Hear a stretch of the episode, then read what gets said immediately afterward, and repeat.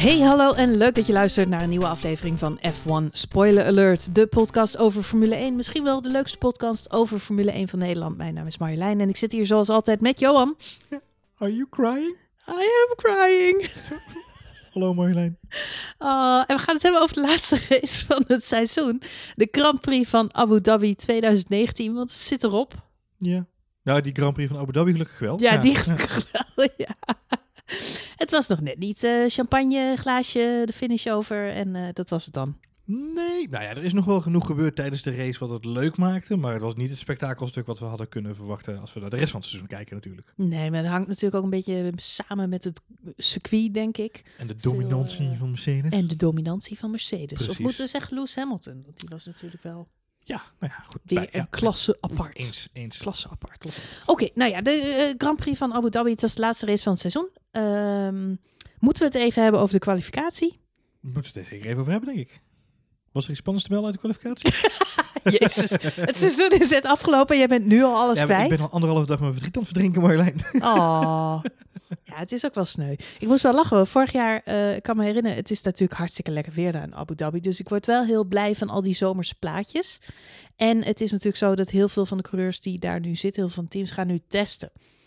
Uh, dus die blijven daar allemaal. Ik dacht even dat je het ging hebben over Kimi, die ook ging testen. Ja. Die ging cocktails testen. Die ging cocktails testen. dat wil ik inderdaad zeggen. Ik zat net op Instagram even te kijken. En die zit met zijn meisje gewoon lekker in het zonnetje daar.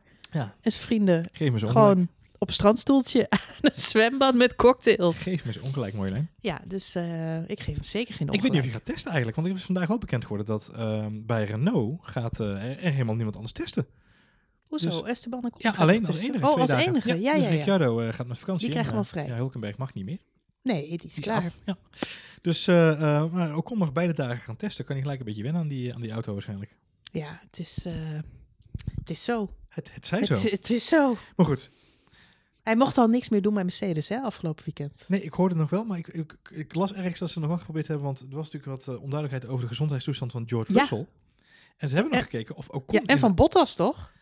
Ook van Bottas inderdaad. Ja, ja, ja, die had wel een beetje griep. Ja, maar ze hebben nog gekeken bij Williams, uh, als ik het goed had gehoord, uh, of Ocon in de auto van uh, Russell Oh, kon. ik dacht dat, dat hij eventueel Bottas moest vervangen. Nee, ja, dat zou ook grappig zijn. Ja. Nee, maar uh, ja, het was Russell. Uh, Russell, ik oh, ik hoorde, ik hoorde daar ook iets over langskomen. Ik dacht dat het over Bottas ging. Jo, dat Bottas nou goed. Hè? Nou goed. Bottas uh, 3.0 had de griep. Ja, ja Bot Bottas uh, 2.0, zoals zelfs Lewis Hamilton hem dit weekend noemde. Uh, die had uh, griep. En daarnaast... Uh, die kwalificatie moeten we het misschien al wel even over hebben. Inderdaad, Bottas was inderdaad gewoon nummer 2 in de kwalificatie. Ja. En daarmee, we hadden het al even over de dominantie van Mercedes op, de, op dit circuit.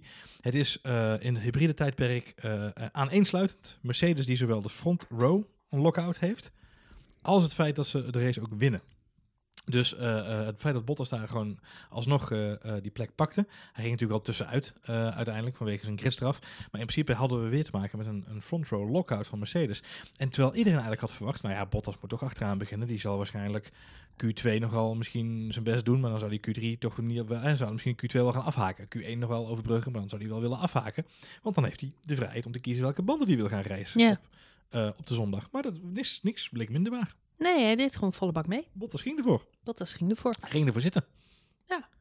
Dat is ook wel leuk om te zien. Ja, nou, hij kwam alleen niet aan die pole position tijd. Het was natuurlijk mooi geweest als hij toch pole position had gepakt. En, en dan alsnog achteraan moeten beginnen. Ja, nou ja, goed. Maar meer zijn statement 41 maken, plaatsen gridstraf geloof ik. Hè? Want ze hebben zijn motor twee keer vervangen dit weekend.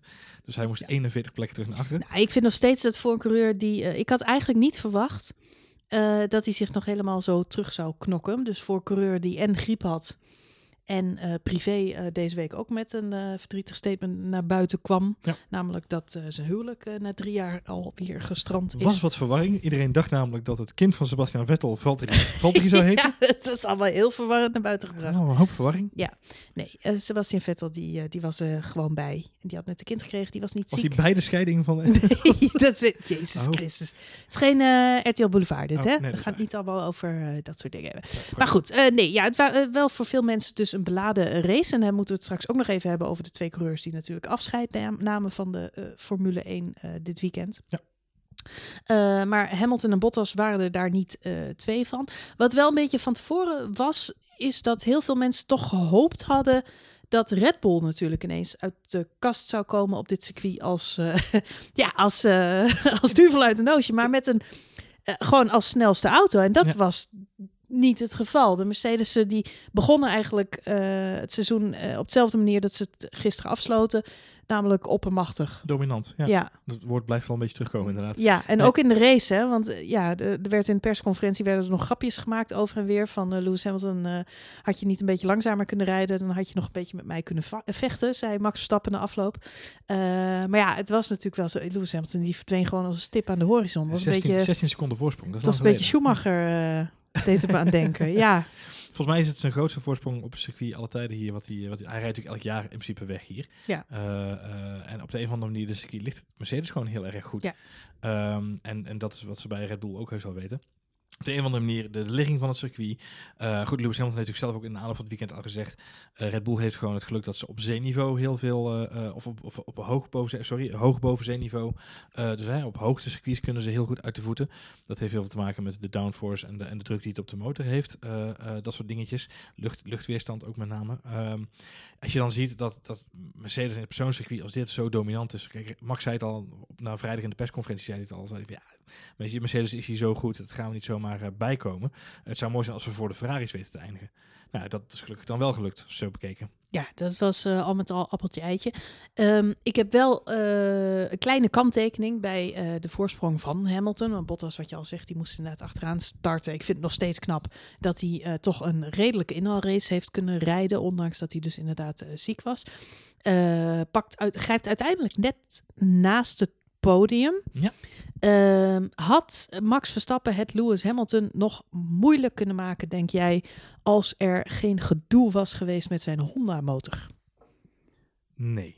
Nee? Nee, dat denk ik niet. Oké, want het is dus wel zo dat eh, hij klaagde, dat hebben we allemaal gezien tijdens de wedstrijd. Hij klaagt niet, hij, hij, hij observeerde alleen Marjolein, zo moet het zien. nou ja, ja, op, Eens. op zijn kritische toon. Dat eens. Nou ja, goed, nee, maar als hij als Max Verstappen vijf keer over de boordradio meldt dat er echt iets helemaal niet goed is, en Ja. ondertussen in een van die vijf boordradio's ook Charles Leclerc inhaalt, alsof het niks is, eh, en nog steeds klaagt dat er iets niet goed is met zijn auto. Ja.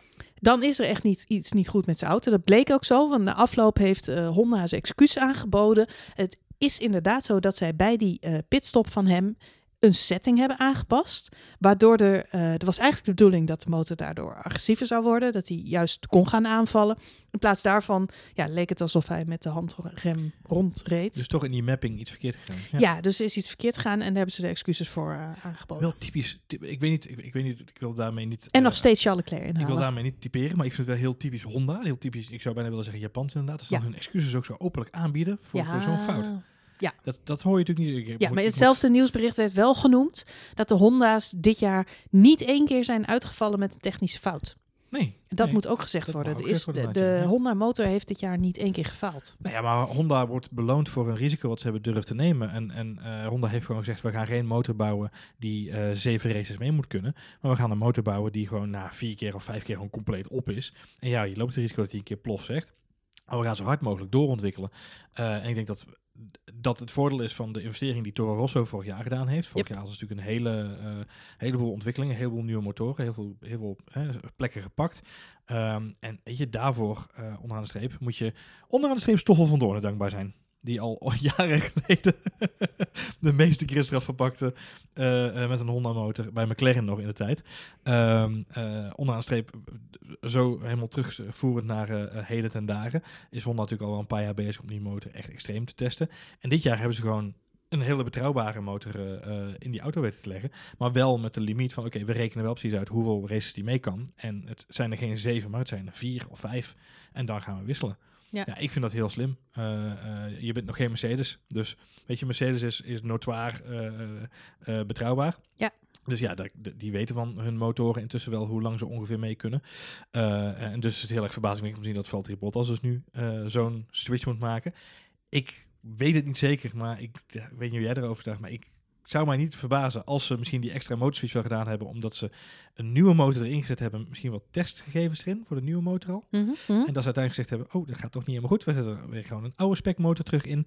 Maar dat, weet je, dat is wel een heel groot risico om te nemen zo aan het einde van het seizoen. Dus ik denk niet dat dat het geval is, maar het zou wel een toffe strategie zijn. Ehm, maar weet je, eh, eh, ja, kudo's naar Honda onderaan de streep. Ja, nee, ja, zeker. Ik denk dat alles bij elkaar Max Verstappen niet te klagen heeft over dit seizoen. Ik denk wij als fans ook niet. Alles bij elkaar was het zijn beste seizoen tot nu toe. Uh, uh, strikt genomen drie pole positions en drie overwinningen. Beter resultaat heeft hij nog nooit gehaald. Hebben we überhaupt nog nooit gezien van een Nederlands coureur. En die drie overwinningen en al, met name al zijn podiumplekken. Want hij heeft al met al toch ook weer heel veel podiumplekken gehaald. Onder andere dus hier weer tweede. Ja. Hebben ervoor gezorgd dat hij derde is geworden in het kampioenschap. Uh, wat ik echt een topprestatie vind. Om voor de Ferraris te finishen. Nee, absoluut. Dat is, dat is zeker waar. En ik denk dat ook iets is wat, uh, wat, wat weet je, nu zeggen we, ah, maar hij zegt zelf altijd, ja, maar derde. Maar ik had hier voor aan het begin van het seizoen, had ik gezegd, ja, het gaat tussen Hamilton, Vettel en, en ik denk dat Bottas er tegenaan gaan lopen schurken. En dan gaan Leclerc en, uh, en Verstappen gaan om P4 knokken. Dat is altijd wel een beetje mijn inschatting geweest. En als je van tevoren had gezegd, uh, Charles Leclerc debuteert zo goed bij Ferrari. Dat is misschien een ander mm, verhaal. Mm. Misschien beter voor de nabeschouwing van het jaar. ja. uh, en Max Verstappen kan uh, tot aan de laatste race gewoon meedoen om, om de podiumplekken. Ja, dan, dan had je daarvoor getekend, denk ik, als, als Knap, toch? fan. Ja, ik ben daar heel erg tevreden mee. Ja. ja. Nee, vind ik ook. Dus top, top prestatie van Max. jaar in stijl afgesloten. Betekent ook dat hij naar het gala mag in Parijs. Ja, Kimi zal balen. Kimi zal balen, ja. Die was daar vorig jaar nog, uh, nog bij. Had het goed naar zijn zin. Ja, inderdaad. Ja, vorig jaar hadden we natuurlijk twee Ferraris. Dat betekent ook dat, ja, om dan maar even de switch te maken, Ferrari eigenlijk een uh, heel slecht seizoen had. Uh, enerzijds hebben we natuurlijk wel Charles Leclerc, die boven verwachting heeft gepresteerd. Ook de nodige pole positions in elk geval gepakt. Heeft hij nou de meeste pole positions van dit seizoen? Nee, dat is, dat, dat is nog wel steeds Hamilton. Hè? Ja, ja, nee, omdat hij er toch weer eentje pakte. Maar het was tien races geleden dat Lewis Hamilton de pole position pakte. Hè? Dus, uh, dus dat is uh, toch indrukwekkend. Uh, nee, enerzijds kun je zeggen, Charles Leclerc heeft een heel goed seizoen gehad. Mooie dingen laten zien. Vettel daartegen heeft zijn slechtste seizoen tot nu toe bij Ferrari gehad. Ja. Ja, als je, als je zo'n seizoen omdraait, dan uh, zou het zijn beste seizoen kunnen zijn, inderdaad. Ja, maar het gaat alleen maar slechter in plaats van beter. Ja, Het is, uh, ja en, en dan is het verschil tussen Vettel en Leclerc ook weer niet zo heel erg groot. Uh, vet, en dan moet je eigenlijk bekennen dat Leclerc natuurlijk ook wel wat ja, betrokken is geweest bij wat incidentjes, met name in het begin van het seizoen, maar ook vorige race. toch weer die, die crash met Vettel. Ja, racing incidents. Ah, er is, er is, af, er is daar gewoon heel veel aan de hand. Er is bij Ferrari hebben ze eh, echt elkaar opgezadeld met deze ja, klopt inderdaad. Uitslag, toch? Nee, klopt. Er is daar gewoon heel veel aan de hand. En ik weet niet zo goed uh, hoe je dat kunt fixen. Want dat zit onderaan de streep niet alleen maar bij de coureurs tussen de oren en achter het stuur. Maar dat zit hem ook gewoon in um, uh, strategie en management van, van, de, van de ploeg, om zo maar even te zeggen. Um, en ook nu deze race weer. Hè? En, ja. alle twee een andere strategie. Um, uh, we maken nog grapjes vooraf. Plan A, B, C, D of F1. Uh, uh, kies maar even welke het gaat worden. En je hoort alweer van begin af aan, merk je alweer dat er toch heel hard ja, hersenen kraken daar in die pitwall van Ferrari. Terwijl ik denk, ja, maar het is, het is redelijk recht toe recht aan. Als je naar de andere teams kijkt, Red Bull, Mercedes, zelfs McLaren, best of the rest, heeft gewoon een strategie van tevoren uitbedacht en kan die ook gewoon van A tot Z uitrijden. En op de een of andere manier is het bij Ferrari altijd nog een intermezzo met we gaan toch naar plan B of naar plan C. Ja, nou, ik heb, ja, ik snap wat je bedoelt. Ik, ik, ik uh, heb bij Ferrari sowieso natuurlijk uh, na uh, deze race ook weer grote vraagtekens. Van wat is daar nou dit seizoen allemaal gebeurd? enerzijds de strategie, wat jij al zegt. Ze hinken vaak op verschillende gedachten. En het lijkt erop alsof ze ja, niet snel genoeg een keuze kunnen maken voor een van die plannen. Of daar niet uh, genoeg zelfvertrouwen voor hebben. Uh, je ziet bij Mercedes en Red Bull heel vaak dat er in een split second uh, gekozen wordt voor iets. We zagen het vorige race nog de, de briljante pitstop van Max Verstappen. Van engineer Hanna, die uiteindelijk daar ook, ook, op het podium mag staan, omdat ze die call heeft gemaakt. Van hij moet nu naar binnen komen. Ja, dat is cruciaal. Dat is cruciaal voor de race. En Red Bull staat daar onbekend. Die doen dat juist fantastisch goed. Um, nou, Mercedes hebben we eigenlijk ook het hele jaar dat heel goed zien aanpakken. Behalve misschien in Hockenheim, waar het dan misging. Maar bij Ferrari is altijd die twijfel. Altijd die twijfel. En dan speelt er nog iets. En dat is natuurlijk al die controverse. Mm -hmm. Want deze race was er weer iets aan de hand. Je bedoelt Fuelgate? Ja, voor de zoveelste keer. Wat, wat is dit nou weer? Ja, het is altijd wat. Um, uh, Formule invullen blijft lastig, onderaan de streep. Uh, ook voor de mensen van Ferrari kennelijk. Het, voor de mensen die het gemist hebben, eh, eh, een uur, ongeveer een uur voor de start van de wedstrijd is er een, een boodschap uitgegaan vanuit de FIA eh, naar alle media, waarin men ineens het heeft over het feit dat er een, een afwijking is gevonden, een significante afwijking is gevonden in de benzineinhoud van de Ferrari van Charles, Leclerc, versus wat er op het formulier is ingevuld en, en is uh, uh, Ja, en het werkt als volgt. Elk team moet van tevoren aangeven hoeveel benzine uh, er in de auto zit op de racedag. En dat is dan de complete olietank, inclusief de opwarmronde, eventuele starts die ze nog willen oefenen. Dus alle benzine die je daarvoor nodig hebt, moet je invullen. Uh, en de FIA kan daarop controleren. Dat doen ze steekproefgewijs. Okay. En hoe dat dan gaat, is dat zo'n auto op zo'n zo'n zo'n zo wagentje wordt gezet. Ja. En dan uh, wordt er een soort slangetje aangesloten. Er wordt letterlijk de hele benzinetank leeggepompt. Oh ja? Ja, ja. Uh, en dan wordt gemeten hoeveel, hoeveel dat dan is. En dan krijg je het weer terug. Oh. Dat hebben ze gedaan. En er zat een verschil in van om en nabij 4,9 kilo. Ja. Te veel of te weinig? Want dat is mij nog steeds niet dat duidelijk. lees ik ook nergens terug. Niemand. Maar ik ga er een beetje vanuit dat het dan dus te weinig is. Uh, dat... Of dus te veel, omdat ze te veel verbranden, Marjolein. Ja, dat nou, dat zou ook nog. Ja, nou, hoe dan ook. Het, uh, het hele balletje is natuurlijk komen te rollen met dat, met dat fuel system, wat dan niet al zou kloppen. Dus hm. ik kan me best voorstellen dat de FIA zoiets heeft van: we gaan er toch even extra op letten bij Ferrari. Nou, dan, dan wordt er dus een verschil. Vijf kilo is niet niks. Um, waargenomen. En vervolgens wordt dan besloten na afloop van de wedstrijd om, uh, ja, om hem niet uit de uh, punten te halen, ja, of uit de ranking, uit einduitslag, ja. maar om Ferrari een boete te geven van 50.000 dollar. dollar. Ja. Er zijn een hoop mensen die zeggen, nou, daar zal uh, Binotto niet van wakker hebben gelegen. Nee, er zal niemand blijven. Ik, ik blijf me, het is eigenlijk het sluitstuk op wat ik, het gevoel wat ik het hele seizoen al heb. En dat is eigenlijk, ja, wat Max een beetje lompig uh, verwoordde twee races geleden. De, de, er wordt gewoon gecheat daar bij Ferrari. En ze komen ermee weg. Aan de andere kant moet ik wel zeggen dat uh, we allemaal fel tegenstander zijn van uh, coureurs disqualificeren of benadelen na afloop van de race. Dat hebben we bij Vettel natuurlijk gezien aan het begin van het seizoen. Ja. Wat gewoon als fan ontzettend teleurstellend is. Want je hebt net een coureur uh, fantastische race zien rijden. En ja, dan om dan na afloop nog uh, ja, eruit gehaald te worden, moet je wel een hele zware reden hebben. En de vraag is dan, is dat dit dan een zware reden genoeg? Ja, wat het verhaal natuurlijk is, we hebben Hamilton gezien in uh, uh, de vorige race met Carlos Sainz. Dat Hamilton daar van het podium, hij mag naar het podium, hij staat daar gewoon een zwaar met zijn bekertje en daarna moet hij zijn beker inleveren bij Carlos Sainz. Ontzettend sneu voor Ontzettend Sainz. sneu voor Sainz ook ja. inderdaad, maar goed, wel terecht onderaan de streep. Als dan die boete wordt uitgedeeld en, en er wordt een penalty gegeven. Hier, is het, hier is gewoon heel erg discussie, hebben we te maken met een vormfout op, op technisch niveau hebben van de strategen, de, de managers van de, van de club? Of hebben we te maken met een coureursfout? En ik denk dat dit wel heel erg een vormfout is.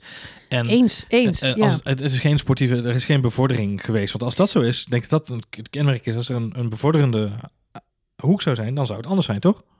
Ja, nee, eens. Alleen wat ik eigenlijk. Uh, wat mijn gevoel. Ik, ik ben het ermee eens dat uh, Charles Leclerc daar geen straf voor hoeft te krijgen.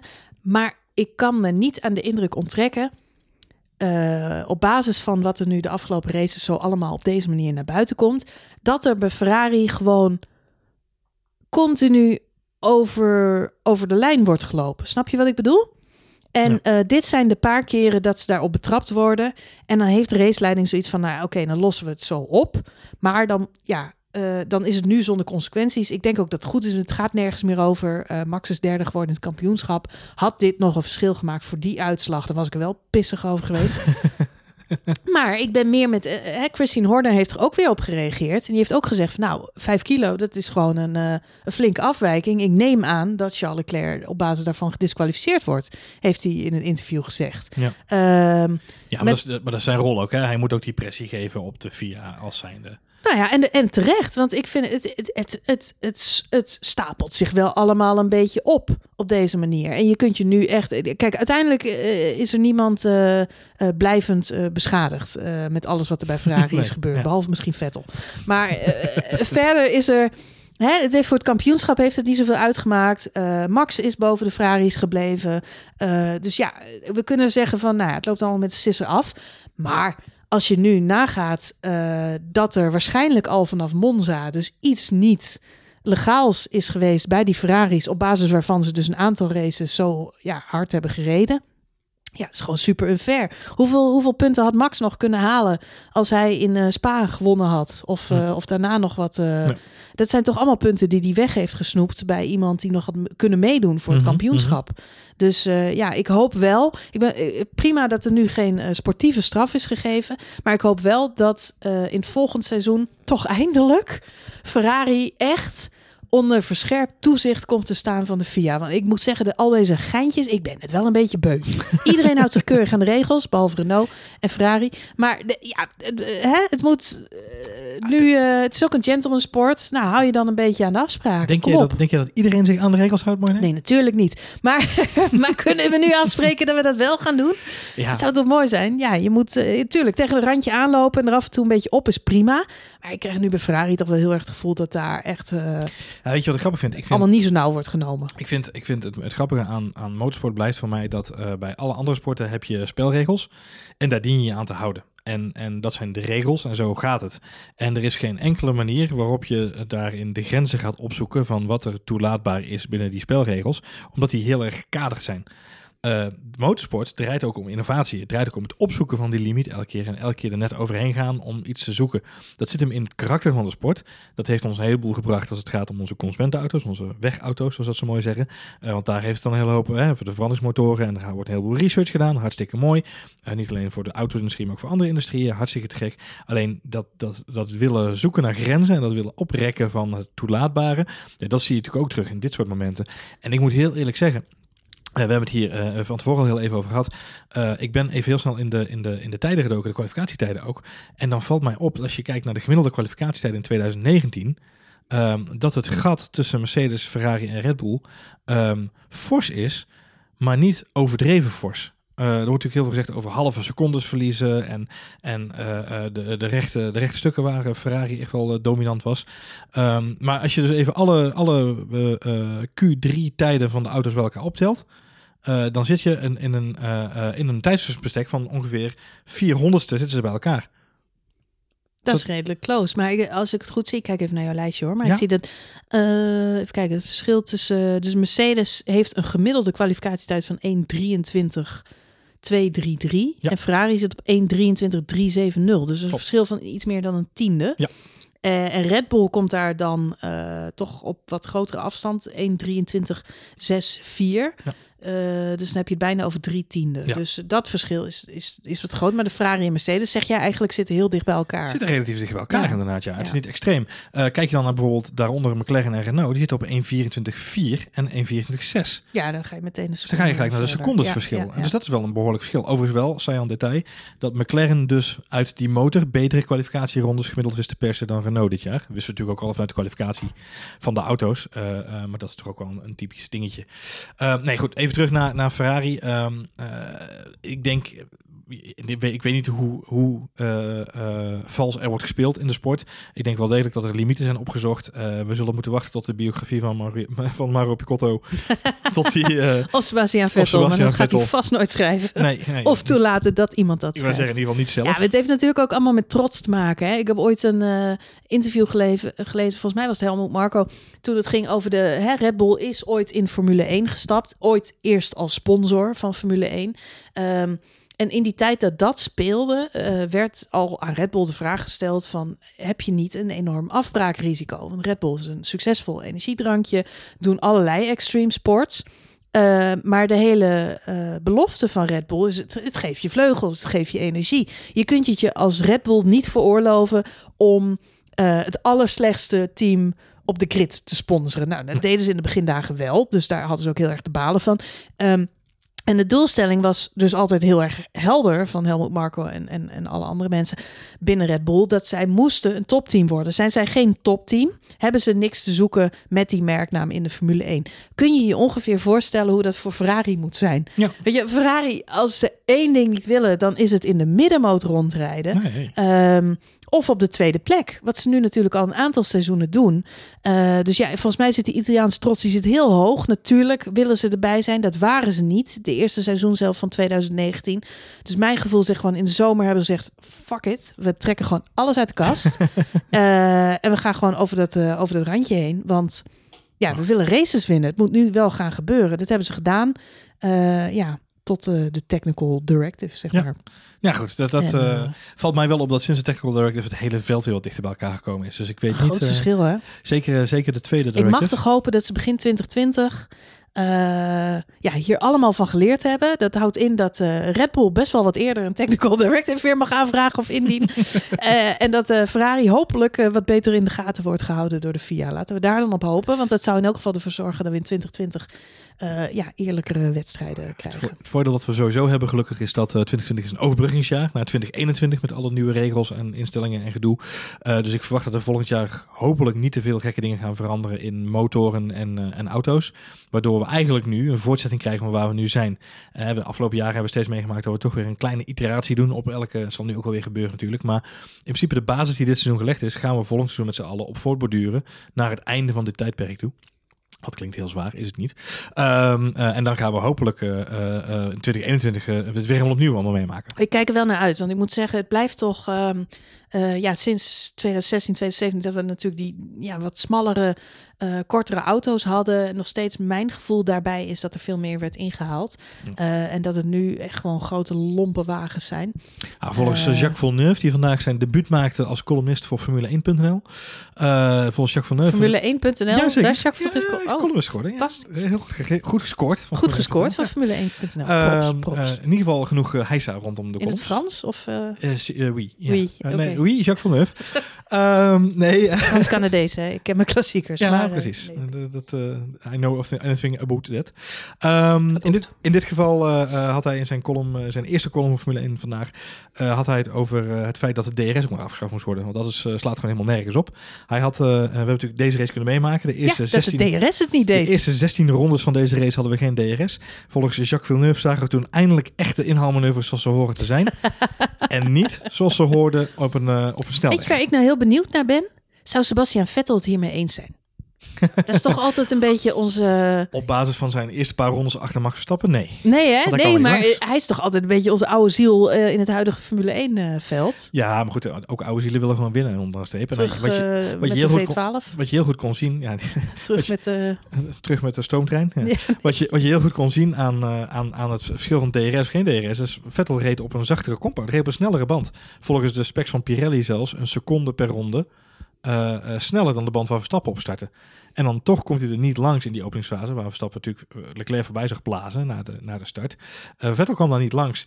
En het grappige is, ik, ik las de column van Villeneuve eerder vandaag en toen dacht ik, ik ga toch eens even kijken. Want je kunt ook online, kun je, op diverse sites kun je gewoon de statistieken terugzoeken Ja. van, van die races.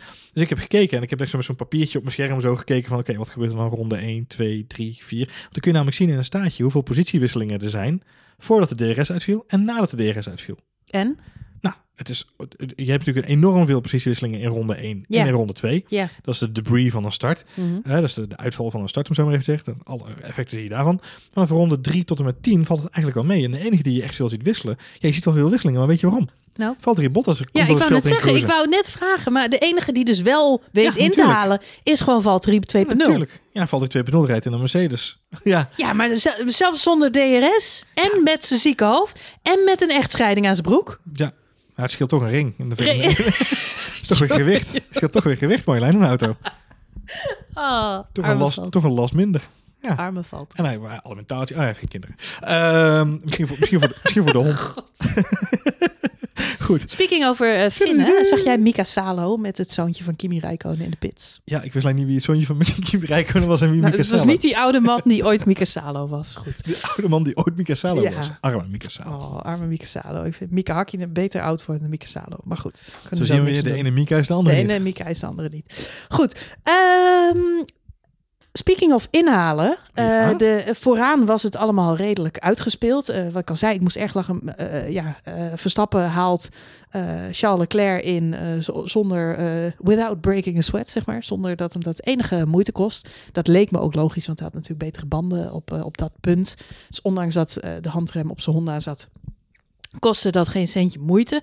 Ehm, verder ja, ontvouwde het zich allemaal een beetje zoals verwacht. Er was nog wel een spannend gevecht aan het eind van de wedstrijd eigenlijk tussen die, die middenmoot, toch? Niemand gezien. Niemand gezien. Waarom niet? Eh, Ja, Carlos Sainz zat erbij. Dat mocht natuurlijk niet uitgezonden Nee, worden. Carlos Sainz, serieus. Ken je die, beeld, ken je die beelden van Massa dat hij wereldkampioen werd? Ja. En dat dan die monteur zo... Die breekt dan die, die, die paddock af. Eh, ik denk dat, dat Carlos Sainz zo is teruggekomen lopen toen, ze- toen ze tegen hem zeiden... Sorry Carlos, je was niet op tv. Oh, arme Carlos Sainz is toch sneu. Ik, ik weet niet of je de boordrijder terug hebt gezien van, van Carlos Sainz. Hij wordt, ja, het was de beste move ooit, ooit ever. Het was de move op P10 in ieder geval. Maar wel een hele belangrijke P10. Ja, want met dat ene puntje werd hij dus uiteindelijk zesde in het kampioenschap. En daarmee best of the rest. Ja. Dat betekent dat hij ook is gefinished eh, boven de beide Red Bull jongens Gasly en Albon. Ja. Die natuurlijk de punten een beetje verdelen, omdat ze halverwege het seizoen van stoeltje gewisseld zijn. Echter, Gasly had nog een hele aardige eindsprint door vorige week op, eh, twee weken geleden op podium te gaan staan. Zeker. Ehm, dus Gasly die pakt uiteindelijk een hele mooie zevende plek. Eh, vanuit zijn eh, Toro Rosso. Alexander Albon die wordt achtste. Eh, Daniel Ricciardo negende. En Sergio Perez wordt tiende. En Sergio Perez die maakt ook nog een belangrijk inhaalmove. Wat hij ook de beste move van zijn carrière noemt. Hebben we ook niet gezien. Nee, eh, behalve Lennon Norris. Die heeft het alleen gezien inderdaad. Ja, en die had ook flink de balen. Want die, wordt, die, Die valt daardoor buiten de top 10. Ja, die had daar flink de P over in. En Oh. Op zich wel logisch, want hij was ontzettend goed aan het verdedigen de laatste paar rondes. Hij zat echt, hij moest op de max, maar hij deed het echt supergoed. Het- Nogmaals, Lando heeft gewoon een, Lando Norris heeft een fantastisch debuutseizoen, laten we dat gewoon voorop stellen. Eh, niet alleen qua aanwezigheid in, als coureur in de paddock, gewoon als, als persoon is het fijn om zo'n persoon erbij te hebben. Eh, maar ook eh, zijn, zijn, zijn rijden is gewoon heel goed. Hij ziet hem altijd wel in de top 10 rijden eigenlijk. Eh, nou, ik vind het heel knap. Die jongen heeft uiteindelijk 49 punten bij elkaar gereden dit jaar.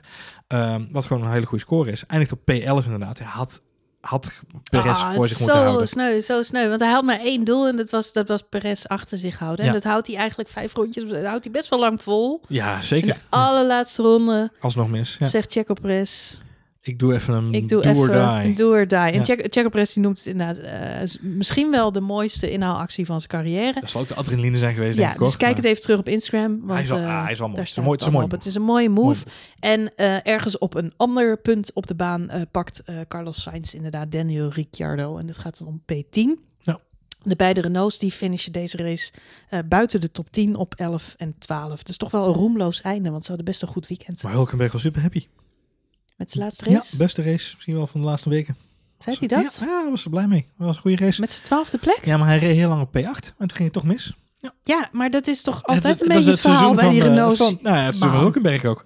Als je het hebt over. Ferrari en slechte strategie, dan eh, pff, Renault heeft dit jaar ook volgens mij wat punten weggegooid door Ja. gewoon eh, verkeerde Ja, ja, zeker. pitstops en dingen te maken. Want eh, is toch weer de lachende derde met een prachtige negende plek voor Toro Rosso. is gewoon knap. De lachende negende. Ja. Ja, de lachende negende. De lachende negende. Drie, drie keer drie. de- Drie keer drie is ook negen. Anyway. Je zien. Moeten we nog iets over Albon zeggen? Albon had eh, lekkere gevechtjes met eh Vettel.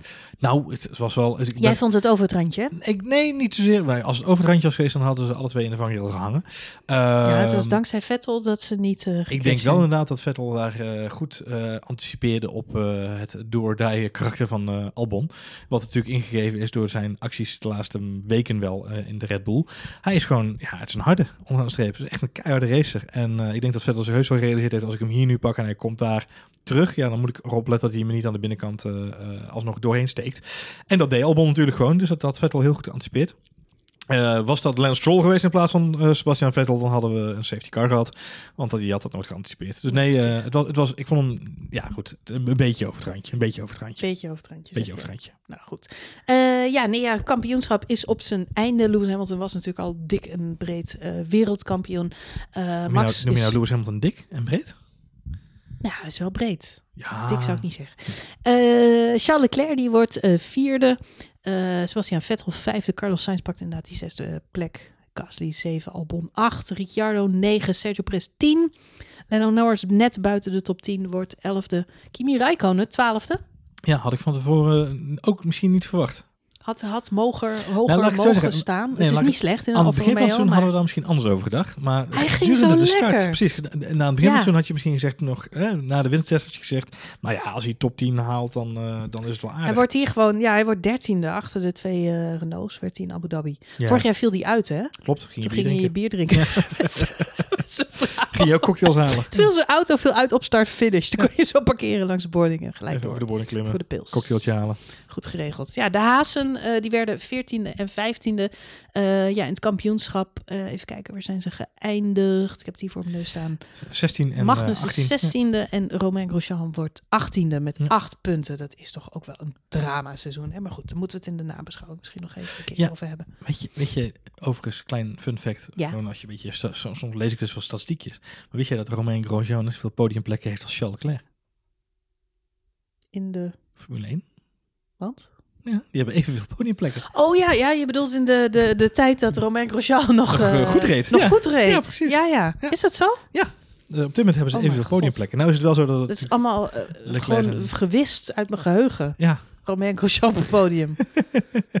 Man, het alsof het een slechte droom is die je echt Ja. bestaan heeft. bizar hè? Ja, nee, achtste, de, acht punten inderdaad, achttiende plek. Ook net- geen beste seizoen voor Haas. Totaal geen beste seizoen. Ze Nee. reden deze race met hetzelfde, eh, met dezelfde vloer, hetzelfde eigenlijk hele dezelfde setup als van de auto als de allerrace, eerste race van in het seizoen. Australië, ja, klopt. Maar ja, als, je, Dus- als je het dan hebt over... voor eh, een innovatieve sport, eh, zeiden zij zelf ook in de interviews, het is te idioot voor woorden dat wij hier eigenlijk als enige team in exact dezelfde auto staan als aan het begin van het seizoen. vond wel een fashion, zijn ge- vond wel een fashion Ja, het is wel een fashion statement. Zo, onze auto is tijdloos. was één ding, was één ding verschillend. Ja, Rich Energy was eraf. was ja dat, dat maakte een hoop. Dat was ook weer lichter. Net zoals die trouwring van. Ja. eh, Nee, maar ook los daarvan, eh, als je het hebt over afbreuk voor een energiemerk, of een energiedrankjesmerk, Rich Energy heeft gedacht, nou, daar gaan we niet aan beginnen aan nee, precies. Werd alleen maar slechter. Maar goed, alle, alle tussentijdse versies van de auto waren dus slechter dan de eerste auto van het seizoen. En zo zijn ze weer terug bij eh, af. Laten we hopen voor hun dat het eh, volgend jaar allemaal wat eh, beter gaat. Eh, even door met het lijstje. Eh, Kimi Räikkönen werd twaalfde in het kampioenschap. Kwiat wordt uiteindelijk dertiende. Ik denk dat het ook een goed, goede rentree is van Kwiat dit eh, seizoen. Daar mag je niet over klagen. Hij staat op een gedeelde eh, dertiende positie samen met Nico Hulkenberg. Hulkenberg, want ja. die hebben allebei 37 punten. Lance Stroll wordt vijftiende. Dat is toch een stuk minder dan zijn teamgenoot eh Perez, die tiende wordt. En 52 punten pakt. Lance Stroll is met 21 punten niet eens de helft. Nee, klopt. Dat is toch, eh, ja goed, teleurstellend. Nou, er zijn een hoop mensen die ook zeiden, hè, na afloop van de race, Lance Stroll nu ook weer, hij parkeert de auto uiteindelijk omdat het eh, niet goed komt. Aan het begin van de race stikt hij Gasly eraf, Ja. eh, de voorvleugel eraf. Tenminste, niet, niet zijn voorvleugel, maar hij tikt Gasly aan waardoor hij zijn voorvleugel kwijtraakt. Dus de, Lance Stroll is vaker betrokken bij de negatieve kanten van eh, de sport voor zijn team. Ja, aan de, aan de waar Perez ja. eigenlijk meer aan de bovenkant staat, eigenlijk aan de goede moment. Absoluut. En- Ja, en- nou goed, als je hem vergelijkt bijvoorbeeld met een George Russell, die ook een rookie seizoen had, dan is Russell blijft eigenlijk altijd wel een beetje uit de buurt van waar de brokken zijn. Ja, dan komt dat Russell helemaal achteraan rijdt. Daar zijn niet zoveel Ja, brokken. er zijn niet zoveel brokken. nou, dat is niet waar, want hij reed deze race een tijdje vijftiende, dus dat deed hij hartstikke goed. True, hij true. zat er eh, best lekker bij. Had ook met de pech van anderen te maken. Maar wat, wat een hoop mensen zeggen is, had, had eh, Perez nog een teamgenoot gehad als Ocon? Ik denk Ja. niet dat het Ocon had moeten zijn, want dat die nee, twee dat, waren ook vergif. dat ging ook niks. Eh, maar weet je, had Hulkenberg maar weer naast Ja. Perez neergezet, desnoods. dan had het team daar veel meer aan gehad dan nu Stroll die daar zit. Die Ja. eigenlijk ja, met hele hoge pieken soms race, maar ook vaak gewoon hele diepe dalen heeft. Ja, dat zeg jij nou wel, maar heel eh, Racing Point India had niet meer bestaan hè, als, eh, als de familie Stroll daar niet eh, zich mee bemoeid had. com- Dus, compleet, het is Stroll Point in. Ja, dat ik denk dat Checo Perez heel blij moet zijn dat hij überhaupt nog gewoon rondrijdt. Sport Pesa Racing Point. Ja. Ja, precies. Dus het is Ja. toch, we zijn er weer bij en dat is prima. Zullen Zo we bij Racing Point. India Exact. denken. En Checo Perez ook. Want dat is gewoon een grote volksheld in Mexico. Ik denk niet dat hij ooit kampioen wordt, maar hij rijdt toch lekker Formule 1. Zo is maar net. Toch? Ja. Ja, zo moeten we het ook maar zien. Eh, Kevin Magnussen werd inderdaad 16e. Giovinazzi pakt 14 punten. Dat is een debuutje. hè? Niet, ze- nou, niet echt zijn debuutjaar, want hij heeft al vaker wat races gereden. maar Zijn eerste volledige jaar. Maar zijn Ja. volledig jaar, ja, vind ik toch niet slecht. Nee. Alhoewel, Kimi Räikkönen, eh 43 punten, eh, drie keer zoveel. Dus is, ja, hm, kan beter volgend jaar. Giovinazzi. Moet ook beter. Ja. Toch? Zo is het. Eh Grosjean hadden we het over gehad, 18e met 8 punten. Robert Kubica pakt één puntje dankzij eh, ja, die eh, disqualificatie in Hockenheim. Ja. Waar hij uiteindelijk na afloop van de race een tiende plek kreeg toebedeeld. Van plukte. Ja, wat toch echt heel bijzonder is. En helaas was dat de enige race van het seizoen zo'n beetje dat George Russell achter Kubica finishte. Ja, en die vist daardoor net buiten de poot als het gaat om de punten. Ja. Want die heeft dit seizoen gewoon nul punten, finished helemaal onderaan. Bizar. Maar eh, Ja. ja. hij had niks te klagen. Hij had gewoon een goed se- seizoen gehad. Zo eigenlijk heb je die peper mee volgens mij. Ja. Ja. Dus eh, ik ben benieuwd. Hey, en Volgend vol- jaar. vol- volgend jaar twee Canadezen zie ik nu, realiseer ik me nu ook. Lance Stroll en Latifi. Dus dat is interessant. Ja, dus ook een Canadees, inderdaad. Nou, Nou. Dan kan Villeneuve uh, zijn lol op met zijn columns. Veel, Toch? veel luf. Genoeg om over te schrijven. Genoeg Finnen, genoeg Canadezen. Nou, En eh, het wordt mooi, toch? het zal vast goed komen. hey, ehm, Ja? De race zit erop. Had je Ja. nog eh, punten die je wilde toelichten? Nee, nee. Nee, Nee, eigenlijk niet. Nee. Nog de dingen race, na de, race, afloop? de, de race zelf, ja, nee. eh, de Nee. donutjes, hè. Ja, de Donuts. Nou, Maar- laten we even naar de voorspellingen. Spaarzame donutjes. Spaanse... Nou, Spaarzaam. Ja, twee ja, het wel- maar vorig jaar hadden we natuurlijk. Alonso die afscheid nam, hè? Dat Dus waar. het was allemaal wat feestelijker. En hij was ook helemaal niet op het podium, Alonso. Ja. Sterker nog, hij had geloof ik eh, acht keer een bocht afgesneden... waardoor hij 600 Alonso- strafpunten kreeg. Alonso reed echt rond met dat glaasje champagne in zijn Ja, die had echt geen zin meer in. Was dat ook niet de race dat hij zei... eh, dat hij van de hij te horen kreeg... je hebt nog één punt nodig... Ja. om nog een plekje te stijgen in het kampioenschap. Waarop hij zei, één punt. Weet je hoeveel punten ik in mijn hele carrière bij elkaar heb gespaard? I don't care about de, de ene punt. ik heb in mijn leven wel duizend punten gehaald. Ik, ik, mis, ik mis in dat opzicht Fernando Alonso wel een beetje. Ja. Eh, Had je nog meegekregen dat ze Max gevraagd hadden of het... eh, Fernando Alonso heeft natuurlijk weer lopen hinten dat hij in 2021 eventueel terug wil komen in de Formule 1. Oh. Want dan zijn de auto's nieuwe regels spannend en een heleboel mensen zonder contract, hè, 2020. Oh, ja. Dus eh, Fernando Alonso zat weer op het vinkentouw om dan Hm, eventueel terug hm. te keren. Waarop Max daarmee geconfronteerd is. Zuiden van vinden. Wat Max zei, nou, Fernando is een goede coureur. Maar als Fernando niet in een auto zit waar hij meer races kan gaan winnen. Dan moet hij niet terugkomen. Want we hebben Eens. allemaal gemerkt dat hij daar niet beter van wordt. En de Nee. sport ook niet. Dus eh, vond ik een hele, Oh, dat vond ik een hele goede hele goede opmerking opmerking inderdaad. Ja. Overigens was uh, vice versa, had Alonso dus heel erg genoten van Max Verstappen. Ja. Want dit was natuurlijk het eerste seizoen dat hij thuis voor de buis zat. Eh, net zo een beetje. Dat is Bravas. ja, net zoals Rosberg. Ja.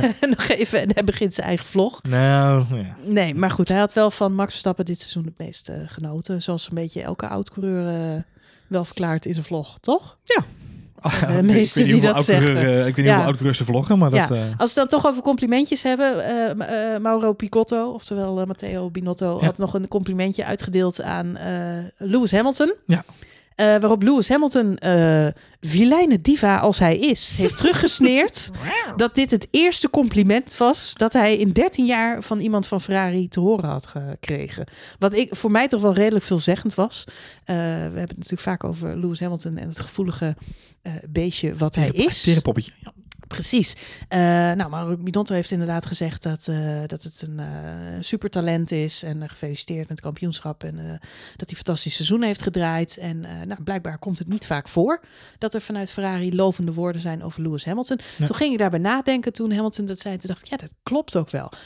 Hamilton maken we natuurlijk vaak grapjes over. Dat hij juist heel complimenteus is. Zag je in de persconferentie ook weer na deze race. Hij had graag met Max meer gevecht gehad. Hij had graag met eh, Leclerc meer gevecht gehad. Want zijn hele talentvolle coureurs. En hij kijkt uit naar volgend seizoen. Dat hij weer met ze mag racen. En hij is toch wel heel erg sociaal als het wereldkampioenschap eenmaal Binnen in de pocket is. Ja, Precies. precies. Ehm, vice versa, vanuit Ferrari horen we dat eigenlijk niet zo vaak. Nee. eh, realiseer ik me. Dus ik denk wel dat hij een punt heeft. Voor mij gaf het wel een beetje aan dat ik de kans niet heel acht dat Lewis Hamilton ooit nog naar Ferrari gaat. Nou, volgens mij Voor zover die kans überhaupt was. Want die chaos bij eh, eh, Ferrari staat volgens mij haaks op het karakter van Lewis Hamilton. Nou, Daar los- kan hij helemaal niet mee omgaan. Los daarvan inderdaad, de, de militaire precisie waarmee Ja. Mercedes opereert, is, eh, is voor hem... Is precies iets voor Lewis Hamilton. Nou ja, dat, dat, dat die militaire precisie, precisie geeft hem de ruimte om te zijn wie hij is. Ja. Eh, namelijk een, een, nou ga ik even zweverig zijn, maar het is een vrije geest. Eh, met zijn Ja, mode en zijn leven. Het is ook een en zijn, Engelse gentleman. Het is een Nee, beetje maar ook de- alles de original. James Bond. Goed. Ik neem even een slokje van mijn drinken en laat die even bezinken. hoor. Nee, eh originele James Bond. Goed. Ik vind dat Lewis Hamilton, ik zie hem steeds meer als James Bond. Heb jij dat niet? Nee, ik heb Ja, hem, ik heb hem ik nog wel. nooit in, in een auto over de kop zien vliegen of onder water zien duiken of een spion zien omleggen. Dus tot die tijd. Nee, maar hij heeft wel een beetje dat... eh, hij is natuurlijk een hele stoere gast. Eh, hij rijdt Formule 1.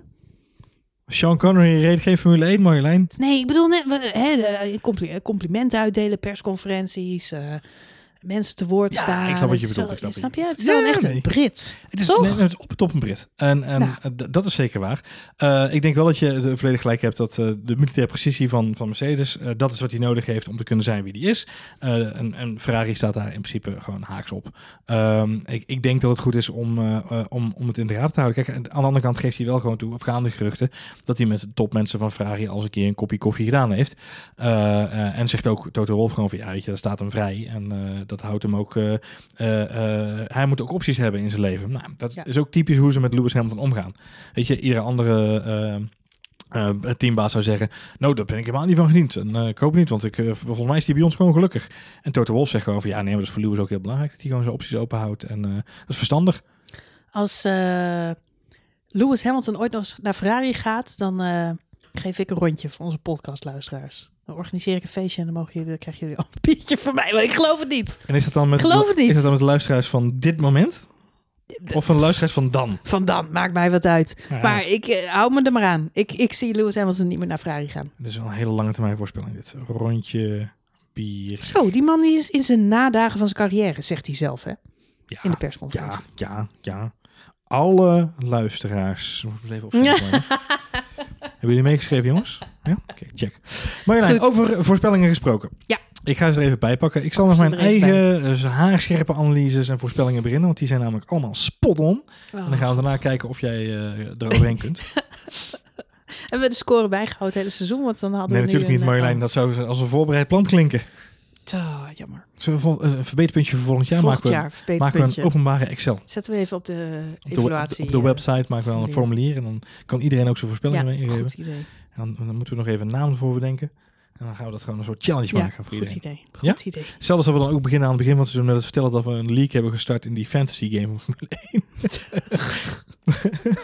hebben we ook gedaan. Ja, Oh ja, dat heb jij tegen gedaan, niemand ja. verteld. Nee. Ja. Je moet mensen even uitleggen waar dat is en hoe dat heet en zo. Ja, maar dat doe ik dan tegen die tijd vind ik. Als ik het nu nog ga uitleggen, dan hebben we een probleem. Oké. Goed. Ja. De voorspellingen, Marjolein. Ja. Ik draai het om. Ik begin met die jou en dan gaan we Ja. kijken of ik er overheen kan klappen. Ja. Hm.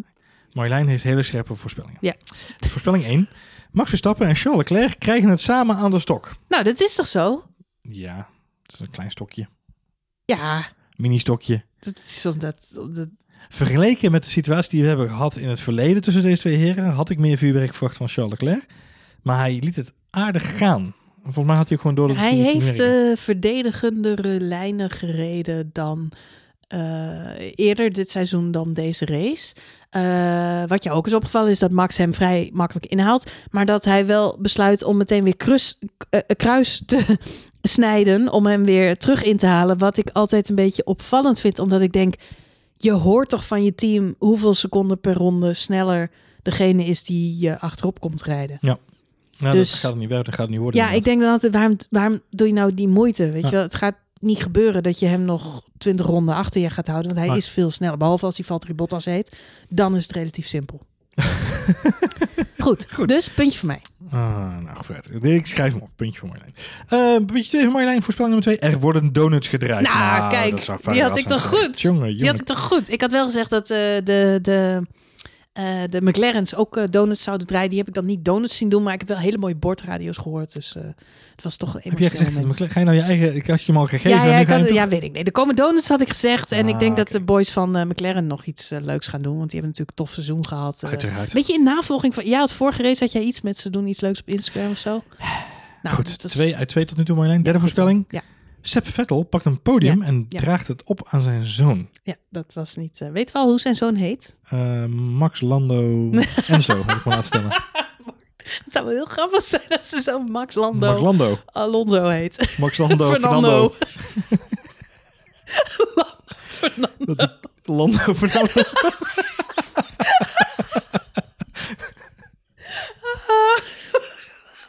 en dan ook in het Duits, hè?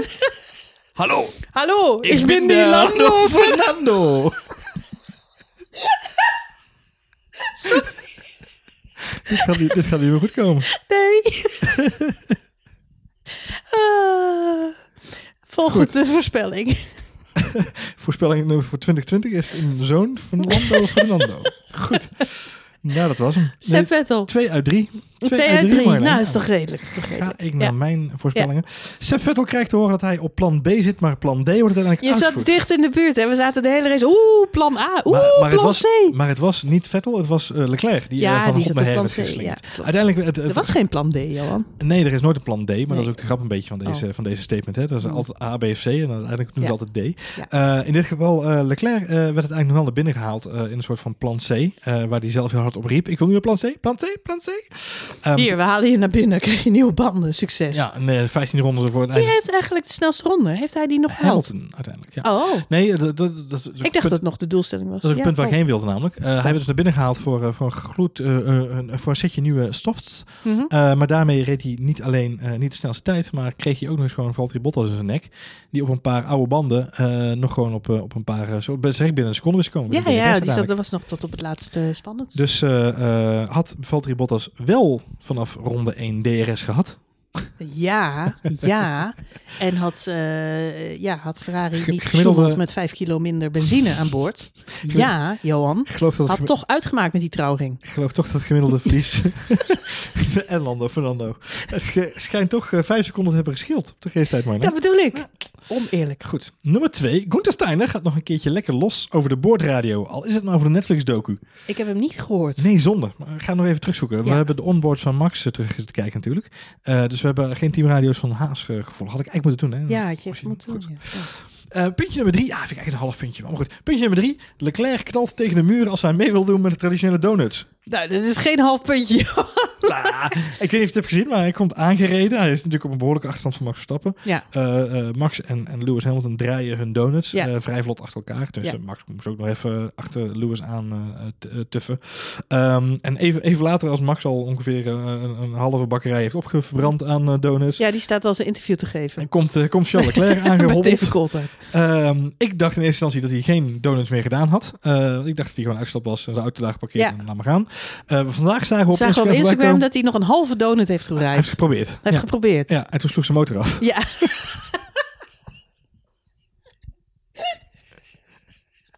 Oh, Is dat een half puntje?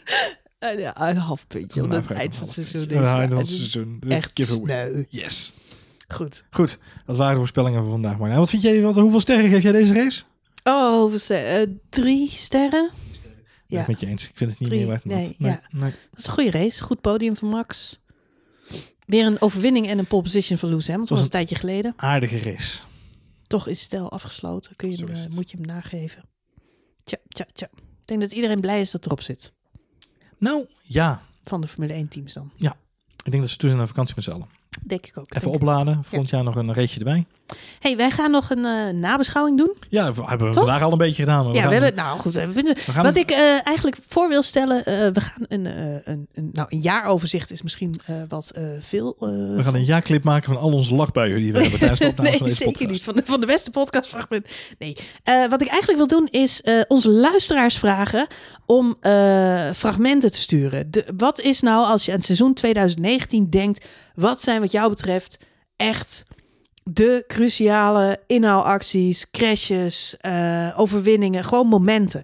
Eh, welke minuut of, of anderhalf minuut of twee minuten, whatever, moeten wij terugkijken en moeten we het nog eens een keer over hebben, omdat het echt gewoon, nou ja, eh, een hoogtepunt was of een dieptepunt of, of heel belangrijk voor het kampioenschap. Of het, het is het eerste moment wat je te binnen schiet als je denkt aan dit seizoen. Eh, dat kan de overwinning zijn van Max Verstappen eh, op Oostenrijk. En dan natuurlijk hoe hij Charles Leclerc weet in te halen en, en verschalkt. En dan in de laatste ronde uiteindelijk die overwinning pakt. Kan ook Lewis Hamilton zijn. Die crasht in Hockenheim in de regen. Wat natuurlijk een zeldzame fout is. Lewis Hamilton was ziek dat weekend. Dus eh, dan gebeuren dat soort dingen. Een verlegen glimlach van Esteban Ocon in de camera, terwijl hij in de pit zit bij de race. Nee? Ja.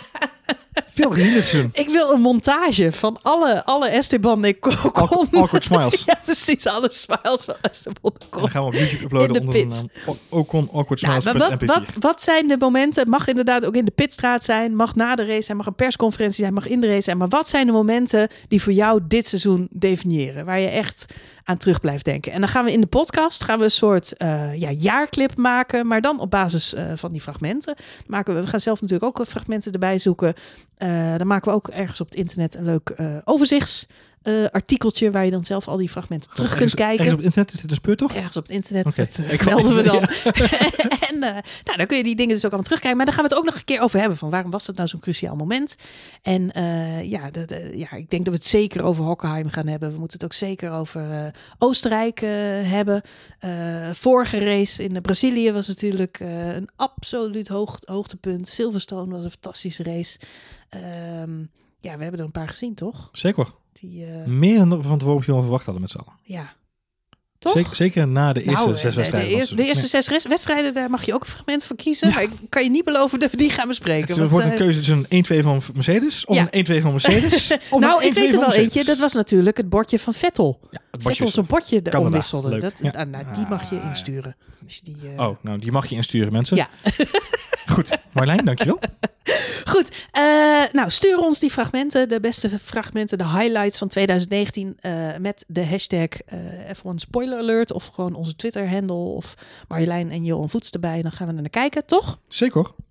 Eh, en dan gaan we een mooi jaaroverzichtje nog even maken. Dat doen we dan volgende week of de week daarna. Dan eh, melden we ons weer even op Twitter. Eh, dus volg ons daar ook. Dan eh, weet je wanneer die online is. Toch? Ja, lijkt me een goed plan. Nou, top. Jij nog iets te zeggen? Nee hoor, ik ben Nee? er helemaal Oh, je bent helemaal klaar vandaag. Nou, hartstikke mooi. Eh, dan gaan we deze pod- podcast afsluiten. En eh, wil ik onze luisteraars ook weer heel erg bedanken voor, eh, ja, voor het luisteren dit seizoen. We zijn er dus nog zeker met een jaarafsluiting van, van 2019. En in de winterstop gaan we ook toffe dingen doen. We hebben nog een paar leuke plannen liggen in de, ja, waarschijnlijk na de kerstdagen, dat we nog wat mooie extra uitzendingen gaan maken rondom Formule 1.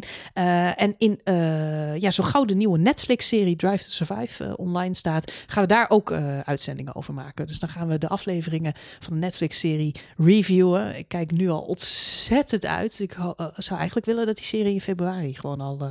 Kans is aanwezig dat het gaat gebeuren natuurlijk. nou, volgens mij staat die pas voor maart gepland. Dus we Mm. moeten nog wel echt even geduld hebben. Maar goed, die serie gaan we dus ook reviewen. Nou goed, dank voor het luisteren.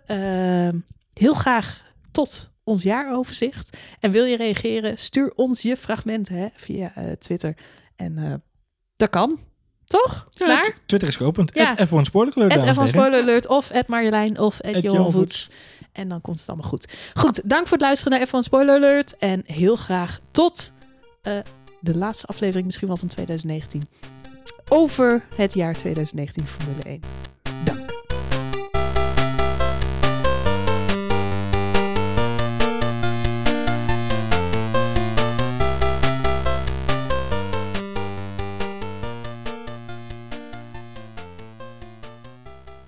Lando, Fernando, kom je eten? Kappen met die bal.